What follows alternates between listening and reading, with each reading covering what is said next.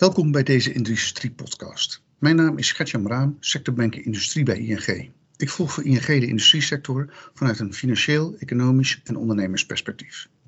In deze serie podcast ga ik met industriebedrijven in gesprek en op zoek naar de belangrijkste trends en ontwikkelingen in subsectoren van de industrie, specifieke eindmarkten en de impact daarvan op de businessmodellen van deze bedrijven.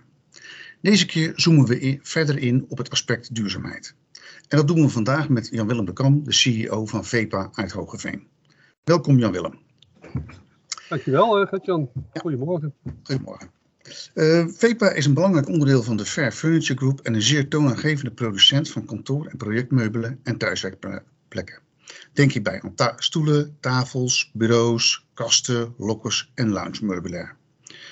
Uitgangspunten waarop VEPA de strategie is gebouwd zijn ergonomie, design, social responsibility, maar vooral ook duurzaamheid en circulariteit. En dat is ook de rode draad van het gesprek vandaag. Jan-Willem, kun je in aanvulling op mijn korte introductie in de kern aangeven waar VEPA voor staat en hoe jullie je als onderneming positioneren? op het gebied van, van duurzaamheid, want daar gaan we het vandaag met name over hebben, uh, hebben we eigenlijk in 2008, in 2008 een transitie uh, ingezet, waarin wij, nadat de eerste kredietcrisis zich aandiende, onszelf eigenlijk wilden herpositioneren en zeggen waar, waar zijn we nu goed in en wat gaat de toekomst van ons vragen. En laten we ons daarop focussen in plaats van onze business te outsourcen naar lage landen, want daar, daar hebben we verder niks mee. En we hebben eigenlijk al in 2008 gezegd, we moeten het, beter doen, duurzamer en uh, ook maatschappelijk betrokken. En met name op dat duurzame hebben we sinds die tijd enorm uh, ingezet. En zijn we ook echt gewoon, ja, zoals het eigenlijk ons betaamt, zijn we ook gewoon aan de gang gegaan. Dus echt dingen gaan doen.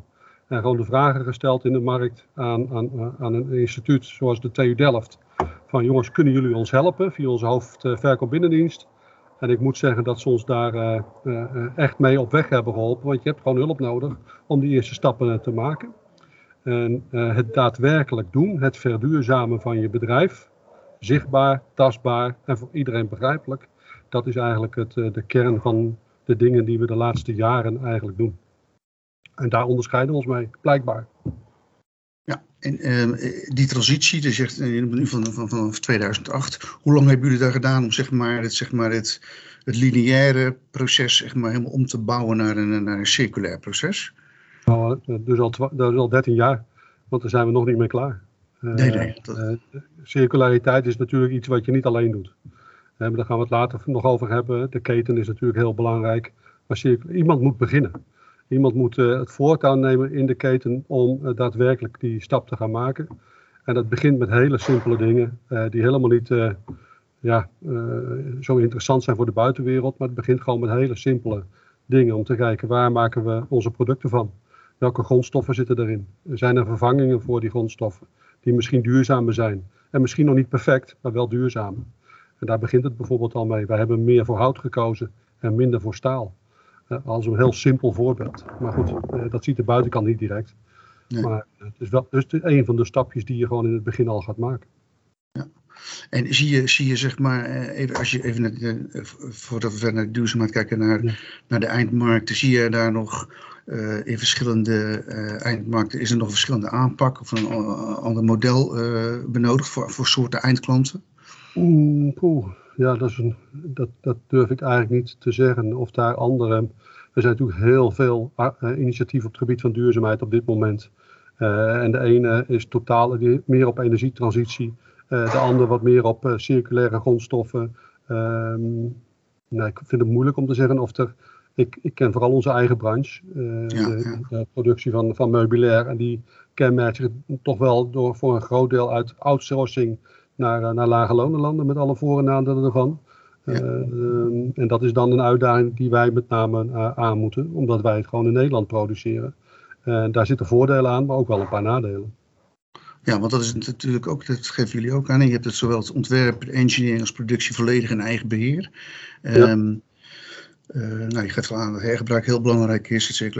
Wat, wat heeft dat jullie gebracht, zeg maar, in, in, deze, in deze strategie?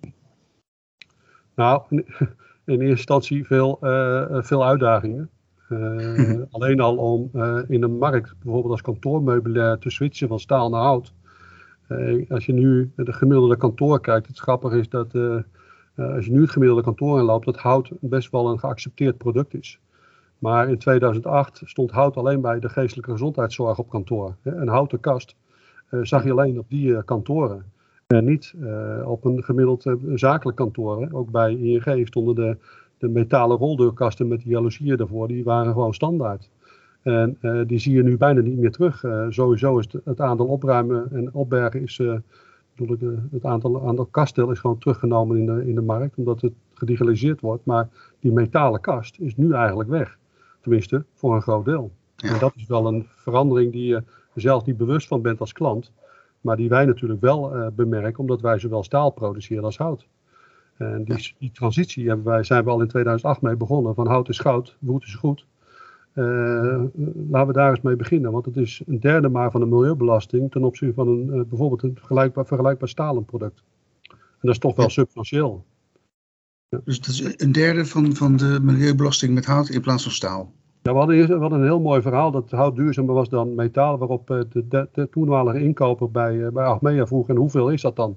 Wat heb ik daaraan? Hoeveel duurzamer ben ik dan? Dat is best een hele reële vraag en dat wisten we op dat moment niet. Toen hebben we dat laten berekenen door het IFAM, dat is het instituut van de Universiteit van Amsterdam. Die heeft dat toen berekend, dat, het, uh, dat de, de, de, belasting van een houten, vergelijkbaar houten kast met dezelfde opbergmogelijkheid, maar een derde was van de impact, zowel op CO2 als in een LCA-berekening. Uh, maar een derde was van de, de milieubelasting ten opzichte van een, van een metalen kast. Ja. En dat, ja, dat is toch wel substantieel. Dan kan je drie keer zoveel producten uh, bij wijze van spreken maken tegen dezelfde milieubelasting. Ja, ja, ja dat, zijn, uh, dat zijn hoopgevende cijfers inderdaad. Ja, want dat is, we hebben het nu over duurzaamheid. We zijn er al gelijk uh, ingevlogen. Het is een belangrijk ja. thema in de industrie. Als, je bij mij, als, je, als ik in, in mijn beeld kijk naar de hele industrie. Ja. dat was al een behoorlijke trend. Um, maar zeker als je nu kijkt naar het, uh, het uh, EU Fit for 55 beleid en het IPCC-rapport, nou, dan staat het echt stijf bovenaan. Hè? Ja. Um, wij, wij kijken dan uh, naast duurzame mobiliteit en duurzaam vastgoed in de industrie vooral naar energietransitie. dat is, dan kijk je naar de grote, de grote energieslurpers zeg maar, in de industrie. en twee, naar circulair produceren. Uh, je hebt al een paar dingen genoemd, maar hoe, hoe vult VEPA die, die elementen, energietransitie en circulair produceren, in je onderneming in? En kun je daar nog wat voorbeelden van noemen? Kijk, energietransitie is natuurlijk, een, een, deel heb je daar maar zelf in de hand. Hè. CO2 compenseren, dat, dat vinden we allemaal wel mooi, maar dat levert niet direct zoveel op, vind ik zelf. We moeten het zelf doen. Dus we zijn al heel snel begonnen met het plaatsen van zonnepanelen uh, op onze productielocaties. nou, dat is inmiddels al gemeengoed, denk ik. Ik denk dat de meeste fabrikanten dat, dat doen. Maar goed, die staan hier bij ons ook al sinds 2010 uh, op het uh, dak, denk ik, eventjes uh, teruggekeken. Ehm, dus, dus dat is één. Maar we zoeken het met name in de CO2-belasting van onze producten. Want dat is iets wat elke keer weer terugkomt. Dus dat we producten maken die een lagere CO2-footprint hebben dan de producten die we maakten.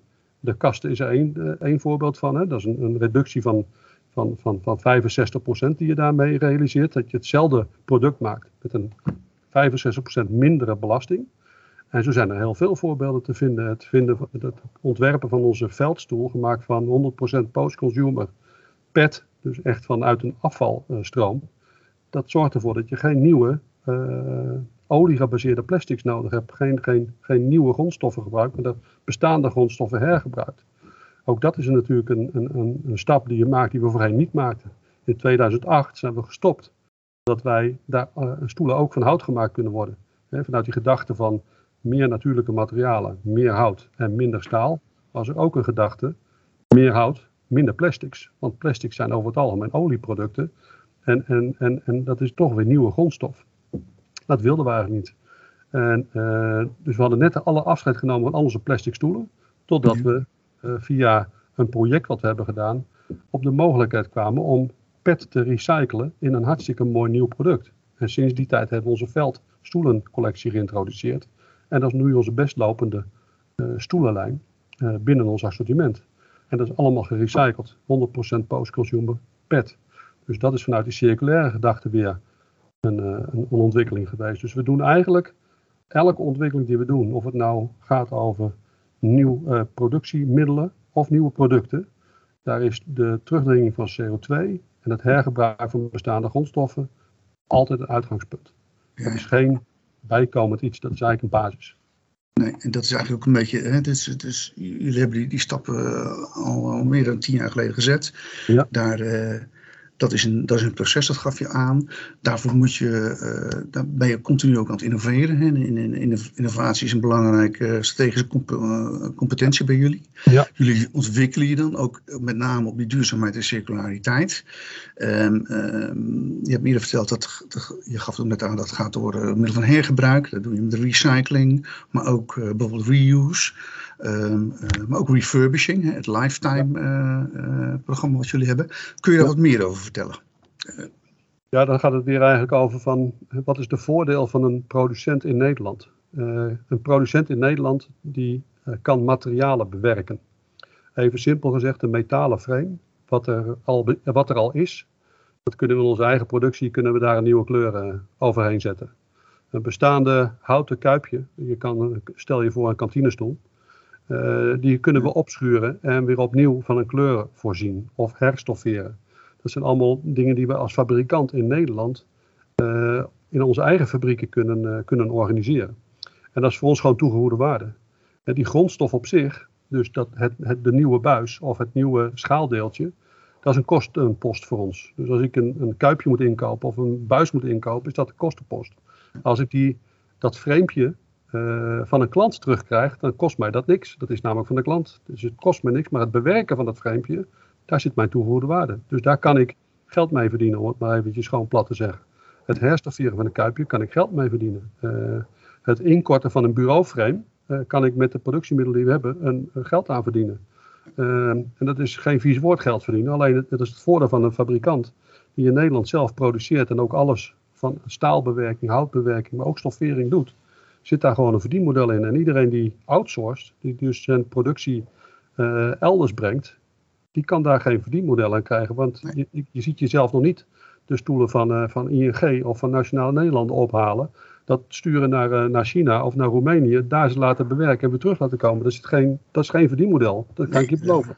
Nee, daar ga je niks aan verdienen. Nee. Dat, dat werkt niet. Dus we zagen al vrij snel dat, ondanks dat het lastig is om de spullen van je klanten terug te halen, en zelfs de producten die niet van jezelf zijn, hè, dus die van je concurrenten zijn, om die te refurbishen, dat, dat zou bij ons als fabrikant wel eens een keer een hele grote uh, pre zijn. Dat we daar eigenlijk best wel heel goed in uh, kunnen zijn als we het kunnen organiseren.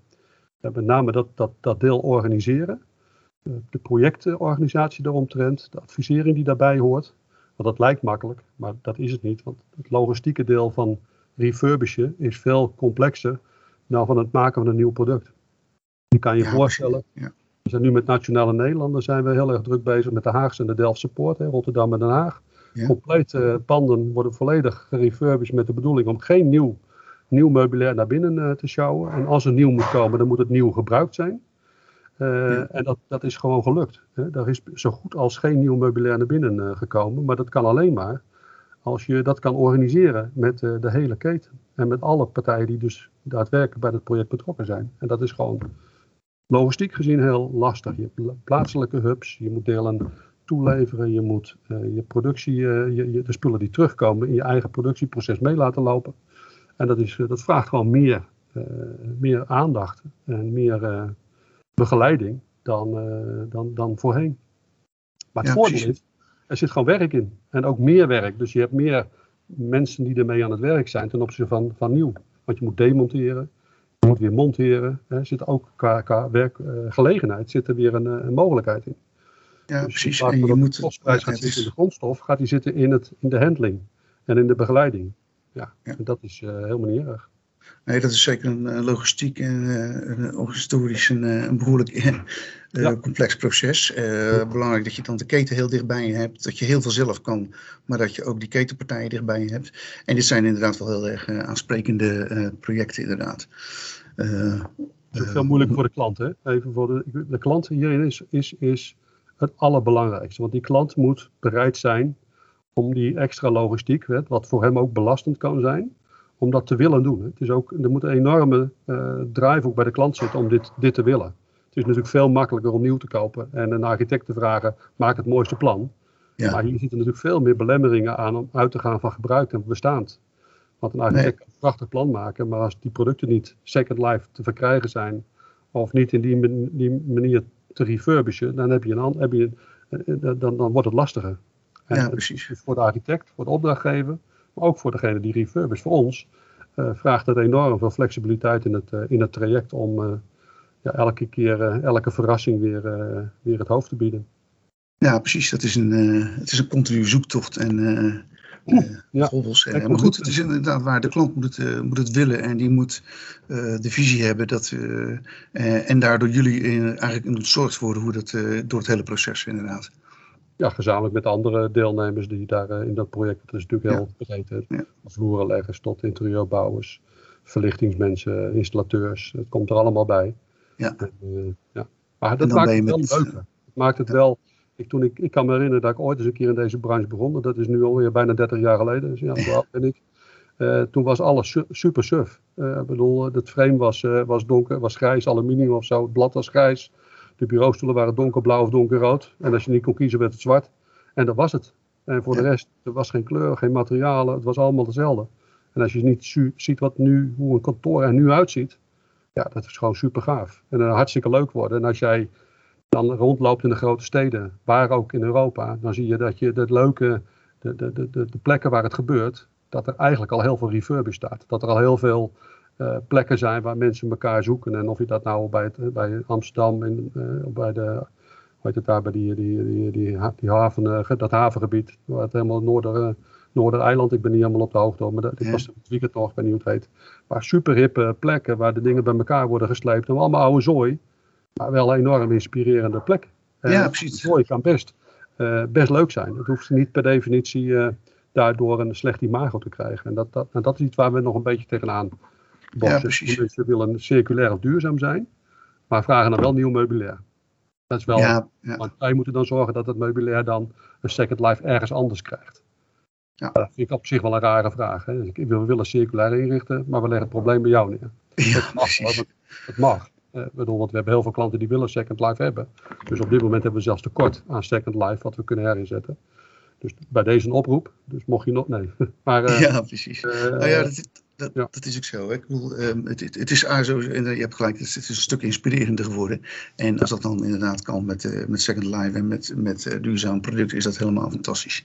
Als je nu kijkt naar die materialen, die. die Um, die worden steeds duurder uh, en zijn steeds slechter beschikbaar. En dat is echt een kans voor de versnelling van die duurzaamheid in circulariteit. Zien jullie, merk je dat, merken jullie die versnelling ook bij VEPA?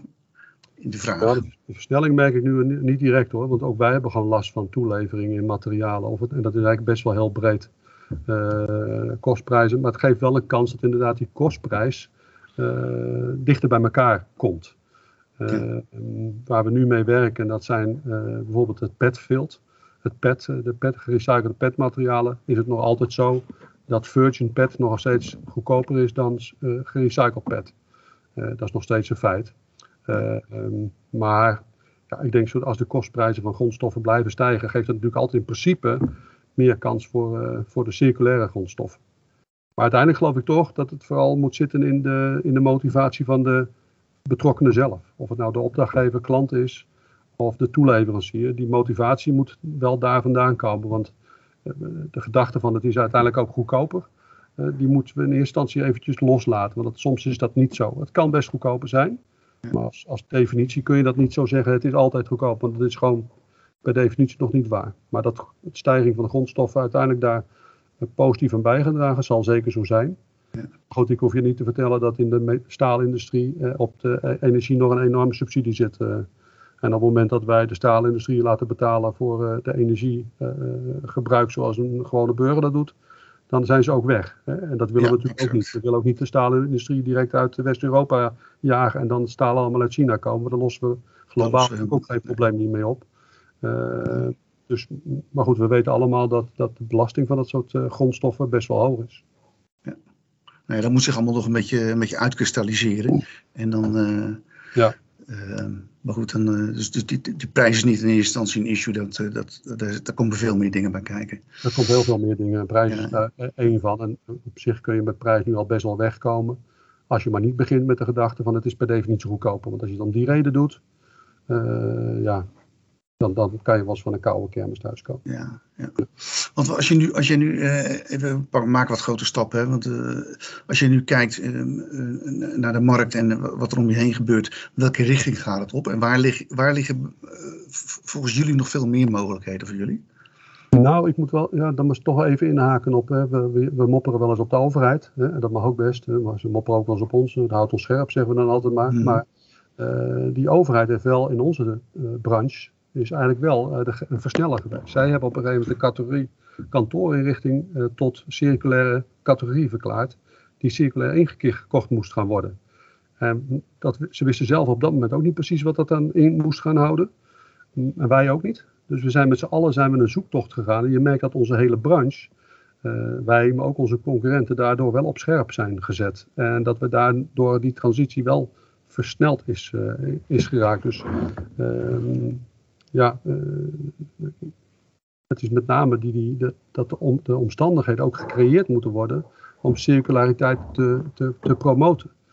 Uh, ja, dus ze waren een goede launching customer ja. uh, voor ja. jullie. En als je, als, je, uh, als je daar nu naar kijkt, zou je nou zeggen van is er nou juist meer of, of ander overheidsbeleid nodig? Of moeten zij meer snelheid maken of, of dat meer sturen? Hoe, hoe zie je dat?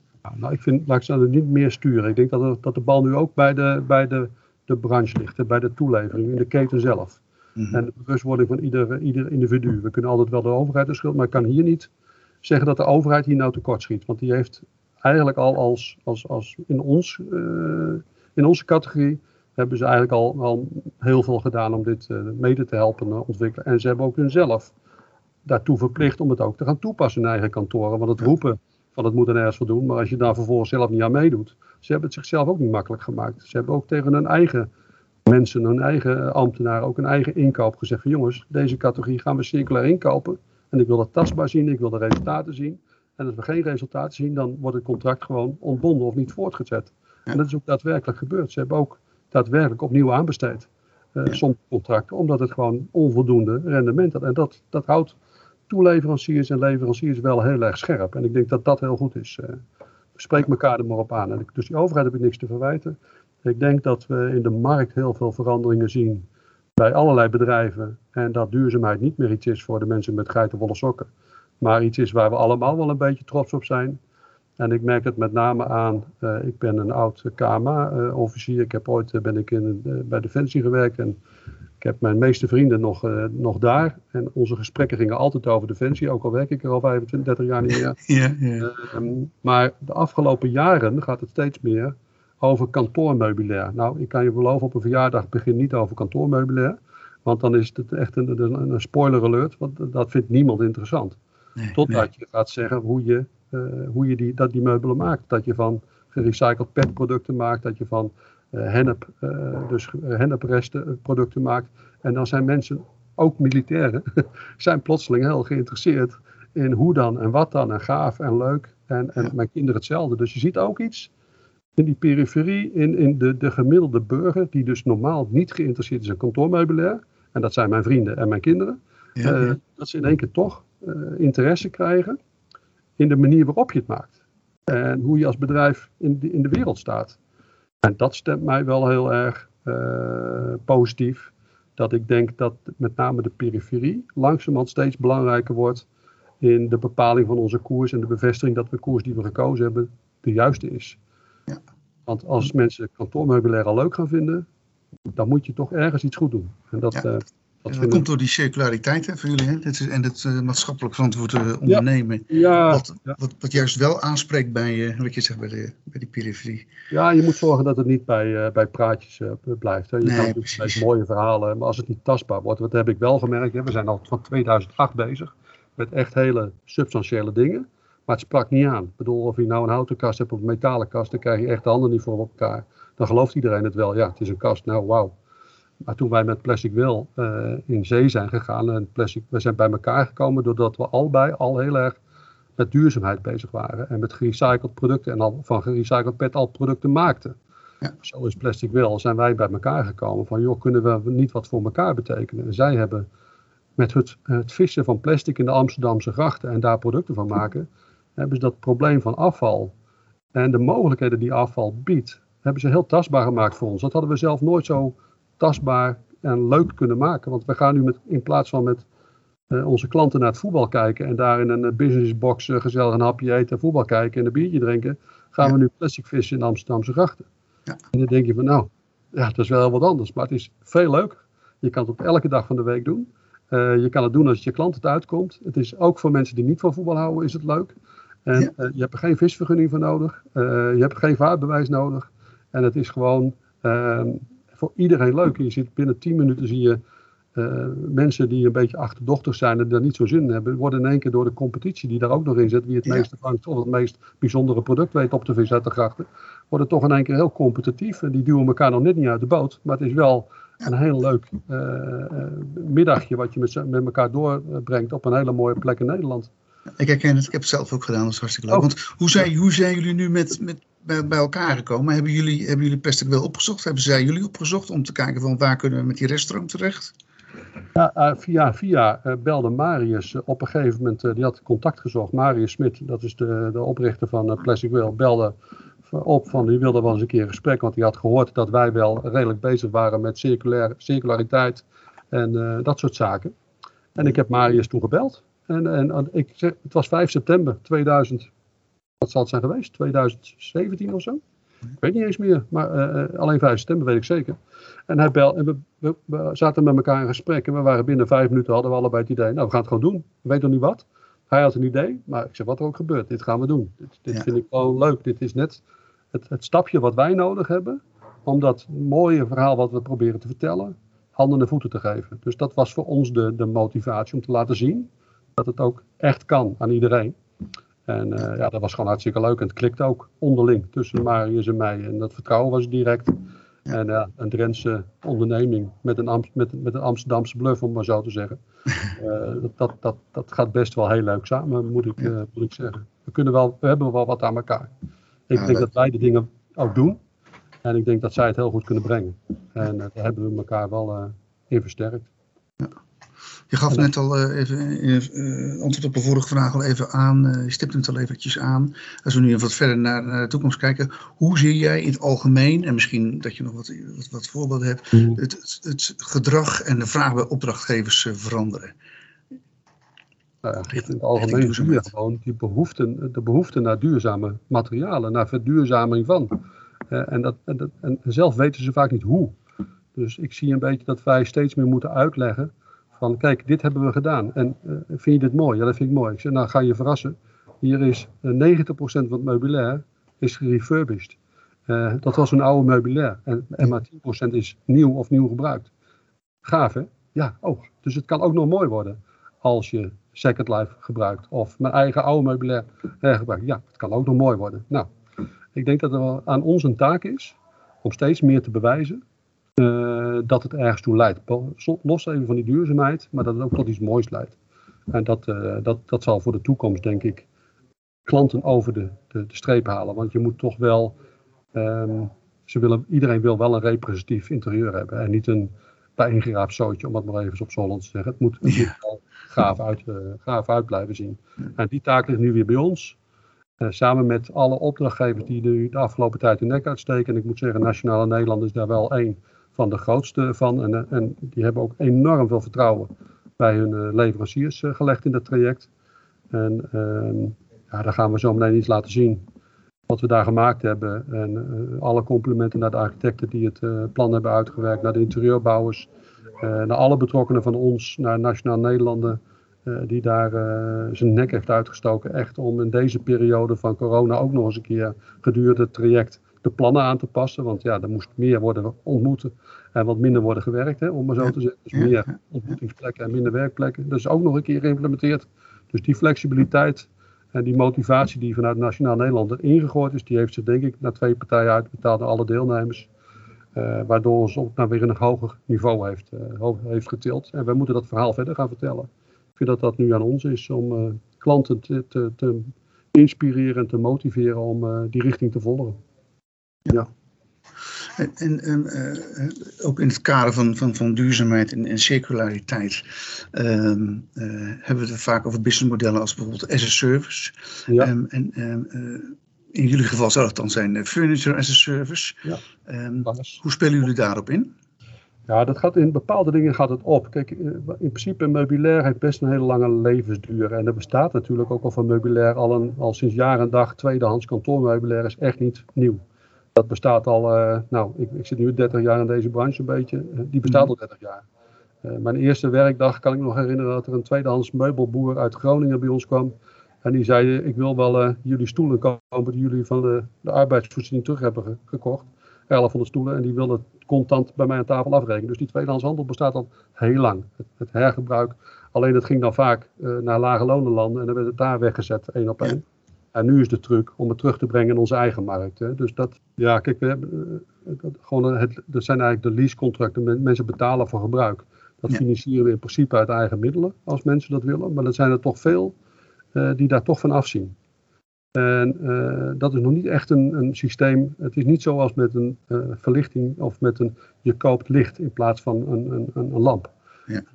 Je, je kan, wat we met klanten afspreken, is dat wij gegarandeerd producten bijvoorbeeld terugnemen. Ja. Na een bepaalde tijd tegen een fixed price. dat vinden ze vaak prettiger. Ja, dan dat ze nu een leasecontract aangaan waarbij ze ook na tien jaar vast om het weer in te leveren of dat soort dingen. Hè. Want we hebben in 2000 14 of 15 zijn we ooit met CITA begonnen. Uh, die wilde graag een circulair uh, ingericht worden, dus betalen voor gebruik. Best mogelijke grondstoffen enzovoort enzovoort. En daar hebben we gewoon een contract mee afgesloten. Die betalen ons keurig elke maand nog steeds een vast een fee voor het gebruik van het meubilair wat ze hebben. En dat is van, van ons. En over tien jaar brengen, nemen we het weer terug. Dat is de afspraak. Maar je merkt nu al, we zijn nu zes jaar verder, zeven jaar. Dat ze zeggen, ja, maar het is wel zonde om dat tien jaar terug, weg, terug te brengen. Hoe gaan we, hè, dus we moeten nu alweer aanpassen op die contracten. Dus wij zeggen liever van, we geven een gegarandeerde restprijs terug. Uh, na vier jaar, vijf jaar, zes jaar, zeven jaar en na tien jaar fixed, dat blijft het. Wat is de grondstofprijs? Ja. En dat zit er op papier. En, en, breng het maar weer terug. Want wij hebben er wel weer een bestemming voor. Ja, precies. Die modellen zijn gewoon nog wat in ontwikkeling en ja. aldoende, ja. aldoende leert men. Ja, ja. Ja. ja, er zijn ook wel banken die erin springen, maar dan merk je weer met onzekere restwaarde en dat soort dingen. Dan met die restwaarde proberen wij op in te spelen, dat die fixed is na bepaalde periodes.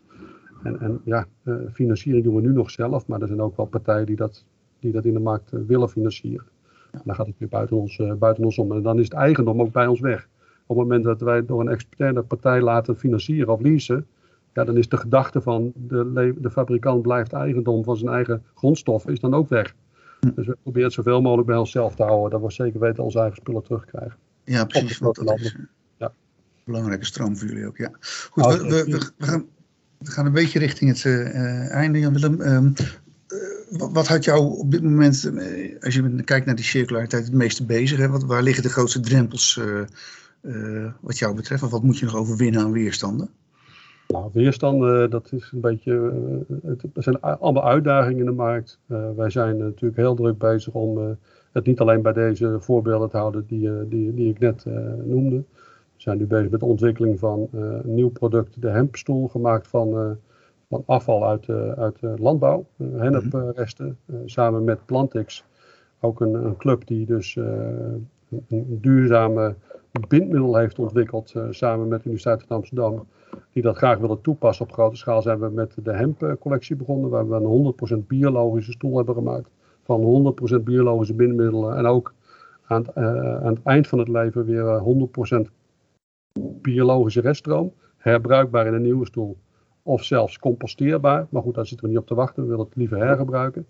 Uh, we zien met name de, de, de, de, de, de aanslingerende werking van als je eenmaal een aantal aansprekende voorbeelden hebt gedaan, zie je steeds meer leveranciers naar je toe komen die met jou iets willen gaan ontwikkelen. En ik denk dat de grootste uitdaging wordt dat we al die kleine initiatieven, dat we daar in de grote keten, dus de, levers, de grote toeleveranciers van houtproducten, staalproducten, stoffen, schuimen, uh, langzamerhand ook prikkelen om die hele grote ketens ook te gaan verduurzamen. Want het is natuurlijk best wel moeilijk om een keten die, zoals staal, uh, die uh, heel energievretend is en ongrondstofvretend is, om die uh, één op, één op de andere dag om te zetten naar een 100% circulair model. Ja. Dat kan je voor kleinere voorbeelden veel makkelijker doen dan op grote schaal. Nou, we hopen en we denken dat we met deze praktische voorbeelden ook die grote industrieën prikkelen en langzamerhand meekrijgen naar, naar duurzame stapjes. En een klein voorbeeld daarvan is dat de houtproductie, dus waar wij al onze houtpanelen uh, kopen, dat het uh, nu nog vaak is dat de biomassacentrales concurreren met de inkoop van de houtproductie ja. naar de reststroom die wij uh, produce produceren. Dus al het houtafval in onze fabriek, is een, is een, daar vindt nog steeds concurrentie plaats op de biomassacentrale inkoop en de houtinkoop. Oftewel de biomassa betaalt op dit moment meer voor onze reststroom dan de houtproducerende bedrijven. En wat we eigenlijk graag zouden willen, en daar zijn we met onze branchevereniging ook mee bezig, om die houtstroom per definitie te laten komen bij die, uh, onze toeleveranciers. Maar er zitten nu nog ketens tussen, als de, de, de, de, de, de, de ja, noem dat, de renew is, zal ik maar zeggen, van deze wereld. Ja. Die, een, die weer een verdienmodel hebben in die, die, in die stromen. Dus die zijn gebaat bij de hoogste opbrengst. Kan ik ze ook ja. niet kwalijk nemen. Dus die gaan nee. naar die biomassacentrale. En die, uh, die krijgen daar een groene, een certificaat groene stroom voor. Ook prima. Ja. Hè? Dat is ook allemaal duur. We hebben toch energie ergens nog nodig. Dat is beter zo dan uh, bomen uit Canada halen of, uh, of, of fossiele brandstoffen verstoken. Maar wij willen wel heel graag dat die reststroom van ons weer wordt gebruikt in onze nieuwe producten. En dat is ja, de uitdaging precies. die we met de keten nu aangaan. Van we willen in principe al onze reststroom uit onze eigen productie weer toeleveren aan onze eigen keten zodat we eigenlijk geen afval hebben. Nee, precies. En dan wordt het inderdaad niet verbrand voor energie, wat, wat, wat uiteindelijk de laagste, de, de laagste R-strategie is, maar gewoon ja. als, als, als. Grondstof uh, weer hergebruikt in, uh, Daar zit de ja. ontwikkeling van techniek, van hoe kan je nou op, metaal bijvoorbeeld uh, optimaal hergebruiken. Want als je nu metaal gaat, gaat hergebruiken, hè, je kan oud ijzer, kent iedereen, maar in nieuw ijzer moet altijd, afhankelijk van de toepassing, 70% zit er maar 40 of 70 procent maar recycled. Je hebt altijd een toevoeging nodig om de kwaliteit te, te halen. Nou, daar zullen we in de ontwikkeling van techniek uh, en van recycletechnieken, dus daar moeten nog hele grote stappen gemaakt worden. En die hebben wij niet in de hand. Dat kunnen wij niet, uh, niet uh, doen, dat moet de stalen keten zelf doen. Nee. Maar er zitten wel uitdagingen daar. Ja, goed. Goed, tot slot, uh, ja, Willem, welke tips heb jij voor ondernemers, industrie, die, die de eerste stappen gezet zeg maar, op duurzaamheid en circulariteit? En, en en waar zou een ondernemer volgens jou direct mee aan de slag moeten? Ja, kijk, direct, direct mee aan de slag is dat je in ieder geval in kaart brengt waar jouw, A, jouw belasting zit van jouw bedrijf. Hè. Waar, heb jij negatieve impact? En waar zitten de quick wins uh, voor jezelf? Dat is vrij snel, denk ik, in kaart te brengen. Wat veel moeilijker is om voorbeelden, aansprekende verbeteringen op het gebied van duurzaamheid, om die kenbaar te maken, om die, om die te ontwikkelen. Want uiteindelijk heeft Plastic Whale ons in onze verduurzaming niet in de basis, maar wel in de communicatie naar onze klanten heel erg geholpen. Dus ik zou uh, in ieder geval voor jezelf hulp inroepen van mensen die er verstand van hebben. Bij ons was dat professor Dr. Han Brezet van de TU Delft, die ons eerst, eerst op het spoor heeft gezet voor de, voor de langere termijn. En is, zijn het de, de, de aansprekende voorbeelden geweest die dat in onze organisatie, maar ook naar de buitenwereld het best hebben vertaald. Dus ja, het is, uh, het is eigenlijk een mix van die twee dingen. Dus zorg dat je weet waar je staat en waar je naartoe moet op de lange termijn. Maar zoek ook aansprekende voorbeelden die je klanten leuk vinden. Want dat uh, maakt uiteindelijk het businessmodel ook nog een keer rendabel. Want in het begin kost het alleen maar geld en tijd. Ja, goed. Ja. Dankjewel Jan-Willem voor het inspirerende gesprek. En luisteraars, dankjewel voor het luisteren naar deze industriepodcast. Meer informatie over VEPA is te vinden op vepa.nl. En meer informatie en achtergrond bij de industrie is te vinden op ing.nl industrie.